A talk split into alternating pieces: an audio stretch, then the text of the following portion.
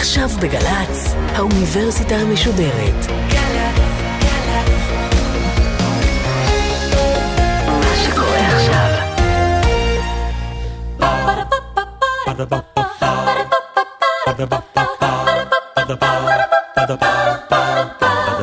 האוניברסיטה המשודרת בשיתוף מיזם וויז מציגה המדען העירום מיטב החוקרים בישראל בשיחה עם בן שני אחד על אחד מול קהל. והפעם שיחה נוספת עם הפרופסור קרינה הון מהמרכז הבינתחומי ואוניברסיטת וושינגטון על הפוליטיקה של המידע. עורכת ראשית מאיה גאייר.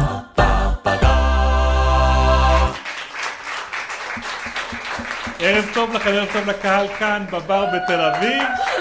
יושבים פה כבר שבוע בשקט ומחכים להמשך המפגש.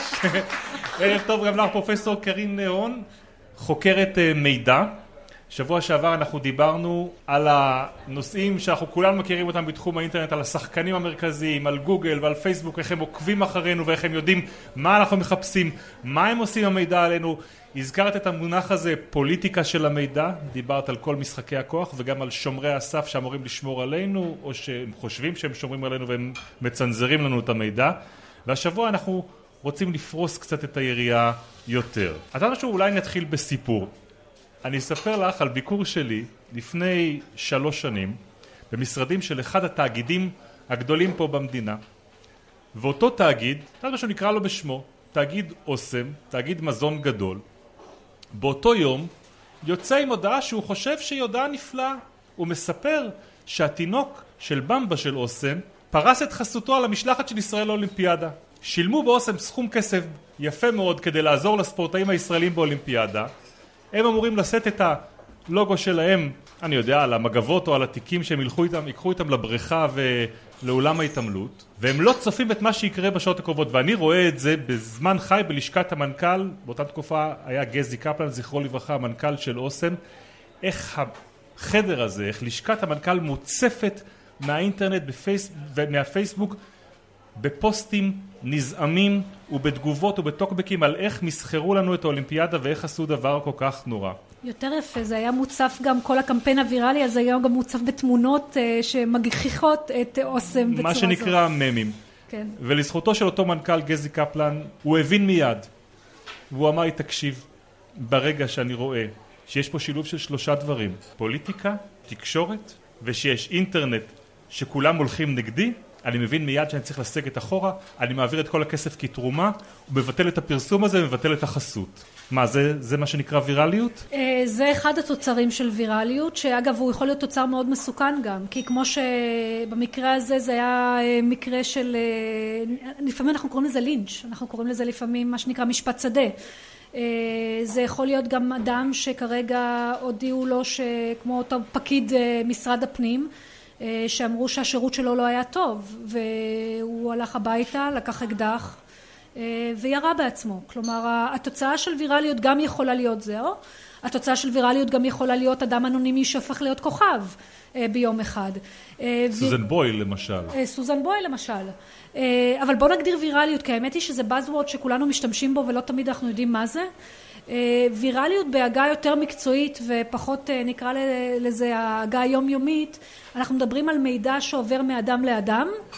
כלומר לא שכולנו מסתכלים על המידע בטלוויזיה אלא אנחנו מעבירים את זה בצורה מאחד לשני למשל על ידי שיתוף על ידי העברה באימיילים וואטסאפ לספר למישהו באוזן מה שפעם קראנו לו word of mouth. זה עובר מהר מאוד בדרך כלל בעניין של שניות ודקות למאות אלפים וזה מגיע להרבה אנשים.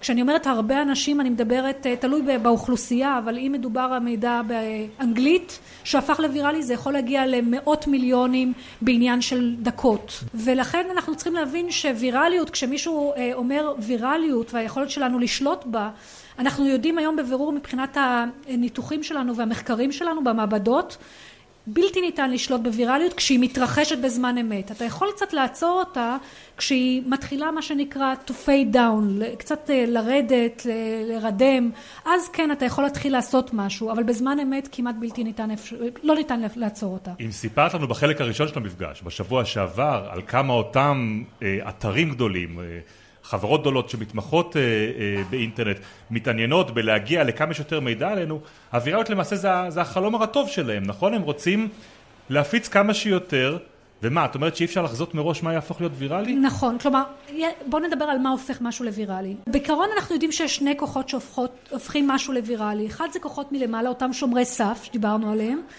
אה, דווקא הכוחות האלה הופכים משהו לוויראלי? בוודאי. תחשבו על זה שפייסבוק מראה לכם רק 7% מהפיד שלכם. אז ברגע שהיא מראה לכם דברים מסוימים, היא יכולה להפוך, לעזור להפוך משהו לוויראלי, אבל זה לא מספיק. היא גם מזהה את הטרנד בזמן אמת ועוזרת לו להפוך להיות ויראלית? היא רוצה להרים אותו יותר? אם היא רוצה, עוד פעם, היא גם לפעמים מונעת. אחת הסיבות שפייסבוק דורשת תשלום לקמפיינים, זה בדיוק העניין שהיא יודעת שאתה רוצה להפוך את זה לוויראלי. אתה רוצה ויראלי, תשלם על זה. אה, אז זה צד אחד, זה השומרי סף, זה מה שנקרא כוחות מלמעלה. מצד שני, אם אתם לא תשתפו את המידע, אין ויראליות. כלומר, הוויראליות זאת, זה כל אחד מאיתנו, זה החוסר יכולת בעצם לדעת מי מאיתנו ישתף את המידע ויהפוך את זה לוויראלי. אני אגיד לך מה הופך לוויראלי. עריפת ראש של דאעש היא ויראלית. איך אני יודע את זה? תפתחי בכל רגע נתון את ההום פייג', את האתר הראשון של העיתונים הגדולים, וימצאו סיבה שהמילה דאעש תופיע שם, או שיופיע שם אחד מלוחמי דאעש עם הסרבל אה, השחור ומתחתיו אה, נידון למוות עם סרבל כתום כדי שתקליקי עליו. אז גם פה אני חושבת כחברה יש לנו תהליך למידה. אם אתם חוזרים אחורה לתקופה שהתחילו עריפות הראשים ביוני אה, באמת אנשים לא ידעו איך להתנהג על זה אם הסתכלתם על התקשורת המסורתית הם יראו תמונות מה שנקרא כמעט פול ראית כמעט את העריפה עד הסוף. יותר מזה אני הסתכלתי על איזה פרסומות מוכרים בעזרת עריפת הראשים של דאעש. והיית רואה לפעמים ביטוח, לפעמים אבקת כביסה. לפני עריפת הראש, קודם כל תקדישי איזה עשר שניות לשמוע על אבקת הכביסה שלנו, על נוזל שטיפת הכלים ומה שהוא יכול לעשות. אני חושבת אבל שהתקשורת לפחות המסורתית למדה משהו מאז. אה, היא לבטח לא מראה תמונות כאלה. אה, הרבה אנשים גם מנצלים את זה. אם תיכנסו אחרי עריפת ראשים, אתם תראו הרבה יוטיובים צצים. וכולם מראים תמונה שהיא כמעט לפני עריפת הראשים, נכנסים אליהם ואז זה פרסומת למשהו אחר. וזה ממש ניצול אה, לרעה של אה, תאוות הסנאף של אנשים. גם השומרי סף הגדולים שדיברנו עליהם, גוגל, אפל, יוטיוב, הם הודיעו שהם מצנזרים את זה. כלומר, למדנו משהו בכל זאת לגבי עריפת הראשים של דאעש. זה לא עוזר, כי דאעש עובדים בשיטה של 30 אלף מוקדים, יש להם אה, מראש 30 אלף חשבונות רדומים, הם מעירים אותם בזמן אמת, כל פעם זה חשבונות אחרים לחלוטין, ובזמן אמת מפיצים את התמונות האלה, זה הופך לוויראלי, בזמן שעוצרים את זה, החמש דקות זה לוקח שבע דקות, עשר דקות, זה כבר לא רלוונטי, כבר כולם ראו את זה. אני חייב לומר שאני טוען ההפך. אני בטוח שעורכי האתרים ימצאו כל הזדמנות להשתמש במילה דאעש ולהכניס אותה להום פייג' שלהם. זה יכול להיות. אנחנו רואים גם את הפוליטיקאים לא שמשתמשים לא במילה דאעש הרבה מאוד. הם לא יראו את התמונות הקשות. את התמונות לא. אבל המילה, שם הקוד דאעש, זה המותג אחד החזקים ביותר היום ברשת. נכון. את זוכרת את השיחה הקודמת שלנו? דיברנו אז על הימים הראשונים של האינטרנט שכולנו חשבנו שהוא דמוקרטי ואנונימי. מתי מתה האנונימיות? וואו, זו שאלה קשה. אני חושבת שבסביבות 2008, 2009 והלאה. הסיבה שאני שמה את השנים האלה כשנים שזה היכולת שלנו לעשות ניתוחי big data ברמה מאוד מאוד גבוהה. אנחנו היום מסוגלים אה, בעזרת data mining וכלים מאוד מתוחכמים של big data אה, לבנות אה, ניבויים לגבי התנהגות של אנשים ברמה מאוד מאוד טובה. בוא נחזור, המושג big data זה אותם כל מה שנקרא עקבות, אולי תקראו לזה הפסולת, כל העקבות הדיגיטליים שאנחנו משאירים מאחורינו במרחב הזה נכון. בעולם, מהסימון שהווייז שולח של איפה אני נמצא עכשיו על הגלובוס ועד ללייק שלחצתי בפייסבוק. נכון, כרטיס הסופרסל שלכם, שאתם אה, נורא נהנים ממנו כי זה מועדון וגם אני חטאתי ויש לי אותו, אה, עוקב אחרי כל פעולה ופעולה שאתם עושים, החל ממה שאתם קונים, הוא מנתח כמה פעמים אתם קניתם את זה, איפה קניתם את זה, אה, כמה זמן לקח מאז הפעם האחרונה שקניתם את זה, ועל ידי זה הוא יכול לנבא מתי הפעם הבאה שתקנו את זה, או אולי תקנו דברים שדומים לזה. אבל הראשונים שוויתרו על האנונימיות הם אנחנו באיזשהו מקום. נכון. ברגע שפייסבוק נכנסה לתמונה ופתאום התחלנו להשתמש בשם שלנו ובפרופיל האמיתי שלנו כדי לכתוב טוקבקים, כדי לתקשר אחד עם השני, אנחנו בעצם הצבענו בעד זה שאנחנו רוצים שה, שהתקשורת, שה, שהאינטרנט יפסיק להיות אנונימי. נכון, אבל אני חייבת אה, להגן גם על עצמנו. אה, העובדה שאנחנו מוותרים על האנונימיות שלנו, כלומר עוד פעם, מה זה מוותרים על האנונימיות? מאפשרים בעצם לתאגידים ולגופים אה, פרטיים כמו פייסבוק לאסוף עלינו מידע, זה לא אומר שמותר להם לאסוף מה שהם רוצים ומותר להם לנתח ולעשות במידע כאוות נפשם. אני חושבת שאחד הדיונים המרתקים שאנחנו מגיעים אליו עכשיו כחברה זה בעצם מה מותר לגופים כאלה לעשות עם המידע עלינו והאם אנחנו יש לנו זכות בעצם להגיד להם לא אנחנו לא מוכנים שתעשו את הדבר הזה והזה עם המידע שלנו אנחנו רוצים גם שתמחקו את המידע הזה. אבל אנחנו מפרסמים את מה שאנחנו אוכלים ואנחנו מפרסמים את התמונות של הילדים שלנו. כן אבל זה זכותך זה, זה זכותך לפרסם את העניין הזה, זה לא אומר שצריך לעשות בו שימוש, זה שני דברים שונים. זה לא אומר שיש זכות לאחרים לעקוב ולנתח את המידע הזה ולהפיץ אותו לאחרים. עוד פעם, יש פה רמות שונות של דרגת קושי, מה עושים עם המידע שלך. ואני לא מדברת על ממשלות שיכולות באמת לנתח את זה ומה הן יכולות לעשות עם זה. מה הן יכולות לעשות עם זה? תראה, ממשלות אה, ברגע ש... ולהם יש הרבה מקורות, לא רק אה, המקורות של פייסבוק וגוגל, אבל תחשוב שהם אה, אוספים מידע ממקורות שונים, הם מצליבים את המידע הזה, הם יכולים לדעת כל הזמן איפה אתה, מה עשית, הם יכולים לזהות אותך בהפגנה, כי אם אני מזהה את תווי הפנים שלך ואני יודע אותם כבר וכבר אה, זיהיתי אותם חד חד ערכית בביומטרי אני יכול לזהות אותך מרחוק. הם יכולים לחדור לשיחות שלך הם יכולים בעצם לנצל את הכוח הזה שאני לא נתתי להם אה, ולעשות דברים שאני חושבת שבמדינה דמוקרטית לא צריך לעשות אותם. אני גם לא רוצה להגיע למצב שבו אני אראה מה הם עושים עם הנתונים האלה. אני נזכר בסרט המאוד מרשים שפרסם אז מפכ"ל המשטרה בדובאי שבו הוא הראה למעשה כמעט כמו בסרט מתח, דרך כל מצלמות האבטחה מהטרמינל ועד הקניון והמלון שבו חוסל אה, מבחוך. ככה זיהו את סוכני המוסד איך בעצם. הם מזהים את סוכני המוסד? ולא זיהו אותם לפי הפנים דווקא זיהו אותם לפי הדרכונים לפי השעות. זיהו אותם לפי תווי הפנים הביומטריים שכשהם נכנסו לדובאי בעצם לקחו מהם נטלו מהם את תווי הפנים שלהם וככה זיהו אותם בעצם. אבל איזה מערכת מסנכרנת בין משטרת הגבולות בנמל התעופה בדובאי לבין הקניון שהחבר'ה נפגשים בו בצהריים ומחליפים שם, אני לא יודע מה, טלפונים סלולריים או... זה בדיוק ניתוח ביג דאטה. אם אני מסוגל בעצם להבין למי שייך המידע הספציפי הזה ולמי שייך המידע הספציפי הזה ולהצליב, אני יכול בעצם להגיע למקרים מאוד מאוד בעייתיים. אגב, גם ארגוני פשע יכולים לעשות שימוש בדברים האלה. כי אם יש לי את טביעת האצבע שלך, למשל עכשיו שמת, שתית מים, אין לי בעיה עם סורק ללכת אחר כך ולקבל טביעת האצבע שלך ולשים אותה ולהשתיל אותה במקום אחר ולך תוכיח שלא היית פה הערב. היום גם הטלפון שלי כבר מכיר את טביעת האצבע שלי. טוב זה מביא למאבק הגדול שאת מנהלת בשנים האחרונות נגד בעצם המאגר הביומטרי. כן. כמה אנשים פה אה, עשו תעודת זהות ביומטרית? אחד. אנחנו נדבר אחרי זה. אחד מצביע. אה, המאבק שלנו ב, ב... קודם כל הוא לא בתעודה הביומטרית. התעודה הביומטרית היא דבר מאוד חשוב והגיע הזמן שמדינת ישראל תהיה חלק ממנו. כבר מ-97 אגב מדברים להעביר אותנו לתיעוד חכם. מה ההבדל בין תעודה ביומטרית לבין הדרכון הביומטרי או המאגר הביומטרי? התעודה הביומטרית זה כרטיס ביומטרי שיש עליו צ'יפ שבו נמצא טביעת האצבעות שלך ותווי הפנים שלך והוא נמצא בכיס שלך. אוקיי. רק לך יש גישה אליו. כשיגיע שוטר וישאל אותך האם אתה בן, תגיד אני מוציא את התעודה שלי ובוחנים בעצם את טביעת האצבעות האמיתית שלך מול זאתי של התעודה. אוקיי. אם יש, אם זאת אותה... ואם איבדתי את התעודה הזאת? אין בעיה, אפשר לבטל את זה. זה גם, אה, כל המידע שמה הוא אה, מה שנקרא מוצפן וגם אם איבדת את זה, אדם אחד, אתה יודע, לא קרה כלום. Okay. אוקיי. לעומת זאת, אנחנו כן נגד מאגר ביומטרי מרכזי, שבו התביעות של כולנו תהיה במקום, תהיינה במקום אחד, וגם תווי הפנים של כולנו יהיו במקום אחד. אם המאגר הזה דולף, והוא ידלוף, אגב, יש למישהו ספק, אה, מאגר מרשם האוכלוסין דלף תשע פעמים, אגרון למי שלא יודע שהפרטים שלו נמצאים באינטרנט, שילך לחפש אותם, אבל אם המאגר הביומטרי ידלוף, והוא ידלוף, זאת אומרת שיהיה ניתן לזהות כל אחד מכם בצורה חד חד ערכית. אתם לא, כשגונבים מכם ויזה, אני הולך לבנק ואני מחליף את הוויזה. כשגונבים תעודת זהות היום, אתה הולך למשרד הפנים ומחליף תעודת הזהות. כשיגנבו את טביעות האצבעות ותווי הפנים שלכם, אתם לא יכולים להחליף את טביעת האצבעות שלכם ואת תווי הפנים שלכם. אבל מה כבר יכול לקרות?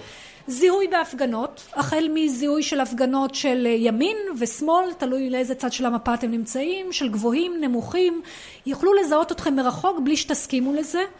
אה, השתלה של נתונים, אה, מה שנקרא, שהם אה, פליליים. אבל אם אני לא מתכוון לעשות שום... וזיהוי ישראלים, תחשבו שכל המאגר של הישראלים דולף, אני בטוחה שכמה ארגונים מאוד ישמחו לזהות ישראלים ברגע שהם יוצאים מגבולות מדינת ישראל. אבל אם אני לא מתכוון לעשות שום דבר רע, מה יותר טוב מזה שלמשטרה שלי יהיה את היכולת למצוא את האנשים הרעים? אנחנו הרי מכירים את כל הסיפורים פה מסביב על הניסיונות עכשיו לפענח פשעים מסוימים והקשיים שנתקלים ב-DNA או במידע... אז יש לי פה שתי תשובות. אחת, כפי שהבנת, זה המשטרה היא לא היחידה שיכולה להשתמש בזה. כלומר, גם גופים אחרים יכולים לנצל לרעה את הפריצה הזאת, זה א', אבל שניים, אני באמת רוצה לדבר שנייה רגע, אני מתנצלת על הדקה של מה שנקרא הרגישה, של היחסים הרגישים האלה בדמוקרטיה בין אזרח לשלטון. אנחנו מדינה דמוקרטית, והאמת היא שכמדינה דמוקרטית אה, יש יחסים מאוד עדינים, יחסי כוחות מאוד עדינים שמתרחשים בין אה, שלטון לאזרח, שבו אנחנו מצופים ל... לעשות דברים מסוימים, לעמוד בחובות מסוימים, ולעומת זאת המדינה אמורה לשמור על הזכויות שלנו. היחסים העדינים האלה מאוד משתבשים ומופרים כאשר המדינה בעצם יכולה לעקוב אחרינו בכל דקה ודקה במדינה דמוקרטית. בהנחה עוד פעם שלא עשיתי שום דבר. העובדה שלא עשיתי שום דבר רע לא אומרת שמותר למדינה לעקוב אחריי. אם אתם כל כך לא אכפת לכם שיעקבו אחריכם ולא עשיתם דבר רע, או לא אכפת לכם שהפרטיות מופרת, אז רגע אחד, למה אתה... לא אכפת לך כמובן שאני אוריד לך את הבגדים כרגע ואתה תעמוד עירום וכולם, נכון? כי אתה... ככה במדען העירום, כן. בדיוק, נכון? כן. כלומר... יש לנו נקודות שלכל אדם יש את הזכות לשמור על הדברים לעצמו. לכל בן אדם יש דברים מסוימים שאנחנו לא רוצים שאחרים ידעו, לבטח המדינה. ובמדינה דמוקרטית המדינה חייבת לשמור על הזכויות האלה שלנו. היא לא יכולה לעקוב אחרינו כל הזמן. פרופסור קרין נהול, אני יודע שיש עוד מאבק מאוד גדול שאת uh, מנהלת, והוא לענייני חופש מידע. נכון, שקיפות. שקיפות את קוראת לזה, ופה נכון, היעד הוא בדרך כלל מוסדות השלטון, מוסדות המדינה, המאגרים הגדולים שנמצאים אצלהם, ומה עוד? זה משהו יותר רחב, זה גם שקיפות וגם נגישות, האמת.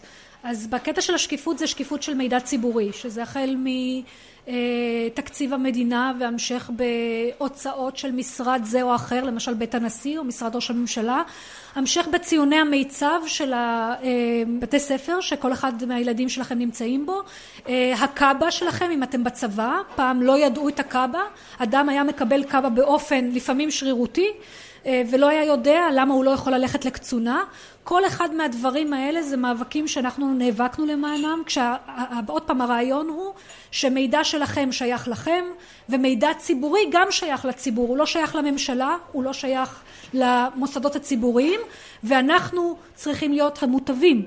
עכשיו למה נגישות? אה, כאן זה גם נושא אישי דווקא.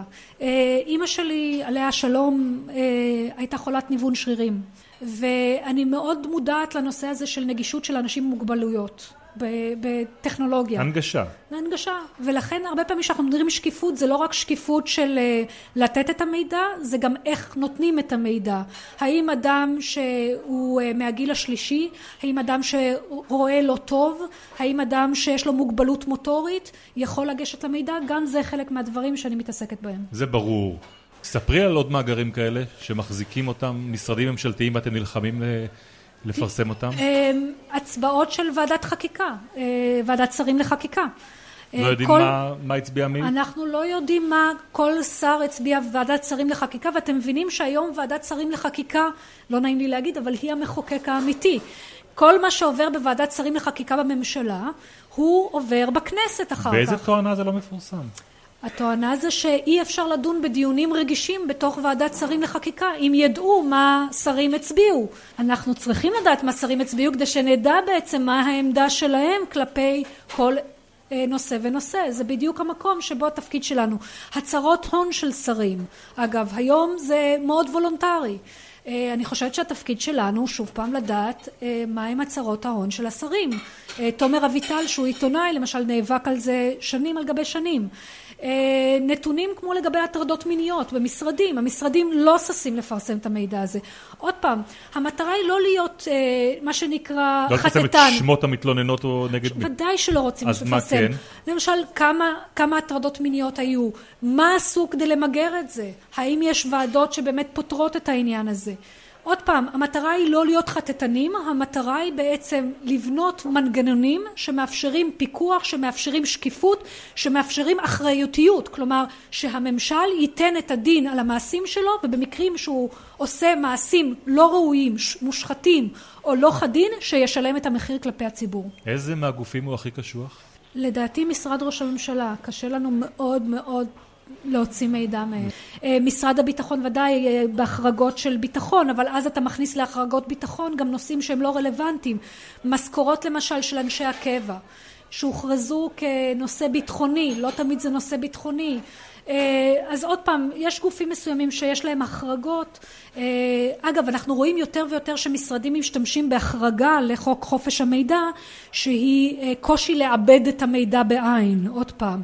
כלומר, הם אומרים, יש לנו את הנתונים, אבל עד שנוציא את הנתונים, זה המון המון מאמץ מצידנו. ואנחנו, בדרך כלל זה שם קוד ל... תעזבו אותנו באמא שלכם. תעזבו אותנו, בדיוק. אנחנו לא הולכים לתת לכם את זה, אנחנו נוציא לכם את הנשמה עד שאתם תקבלו את הנתונים.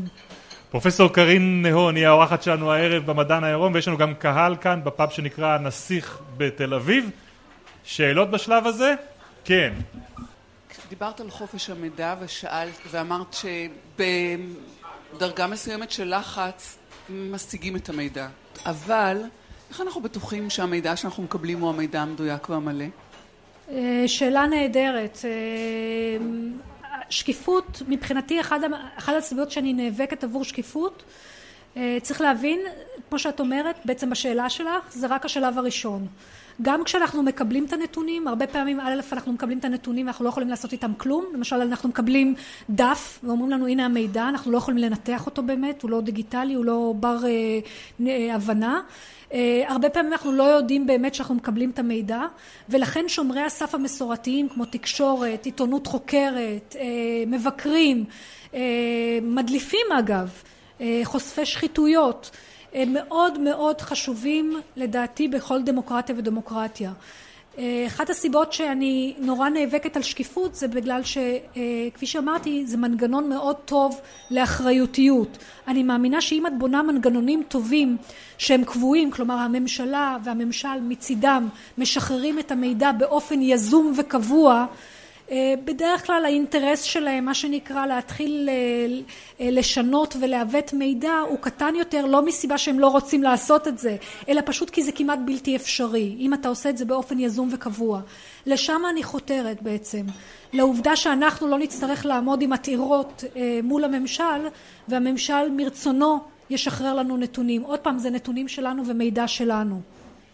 אז התשובה בעצם היא תשובה בעייתית אנחנו לא יכולים לדעת את זה כן, שושן שואל.